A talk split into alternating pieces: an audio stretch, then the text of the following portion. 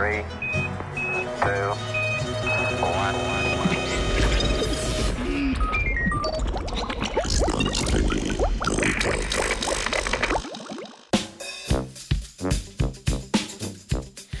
Dobro jutro, dober dan. E, Čeprav smo morda odlašali z začetkom, bomo v znanstvenem Britofu danes se posvetili odlašanju s spanjem.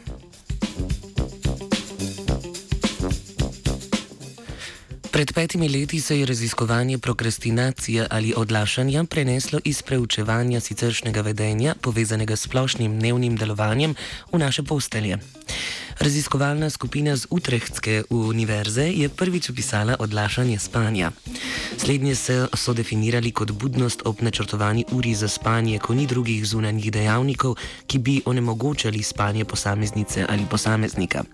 Skupina raziskovalk in raziskovalcev iz južnokorejskega Seula se je odločila raziskati, kaj ljudje počnejo, medtem ko odlašajo spanjem.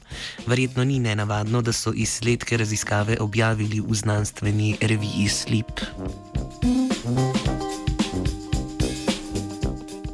V raziskavo so vključili kar 106 mladih odraslih. Pravi odrasli, kaj šele tisti v zrelih letih, z odlašanjem očitno nimajo težav. Sodelovale so večinoma dekleta, vse udeležene pa so raziskovalke in raziskovalci razdelili v dve skupini, glede na rezultate pridobljene s pomočjo lestvice odlašanja spanja. 54 udeleženk in udeležencev je sodilo med tiste, ki veliko odlašajo s spanjem, 52 pa jih s tem vedenjem nima težav.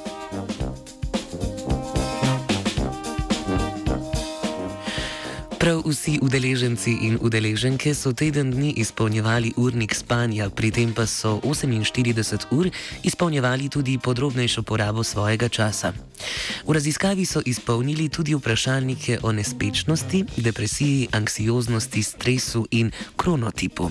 Slednji nam pove več o vzorcih spanja posameznice ali posameznika, torej ali je nekdo bolj jutranja zarja ali nočna sova. Za sodelovanje v raziskavi so si glede na navedbo v članku prislužili 14 ameriških dolarjev. Upamo, da niso odlašali zamenjavo v južnokorejske vone.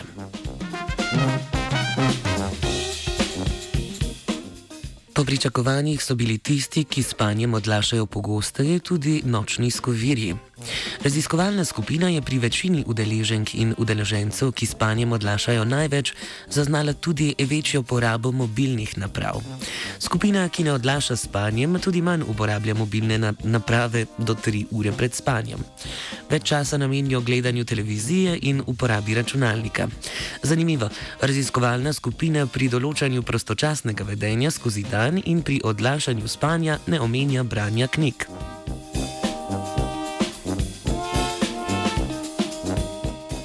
V raziskavi so odkrili tudi povezavo med odlašanjem spanja in duševnim zdravjem udeleženk in udeležencev v raziskavi.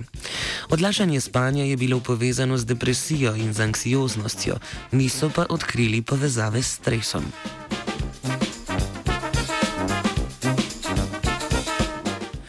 Potrebno je povdariti, da gre za raziskavo, ki se ni osredotočila na vzročnost, ampak je iskala zgolj povezave ali korelacije med spremenljivkami, ki so jih merili. To je omenjeno tudi v sklepu članka.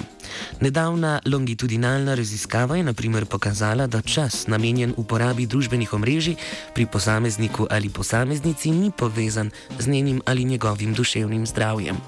Te povezave tudi ni bilo mogoče zaznati pri prehodu iz najstništva v zgodnjo odraslost.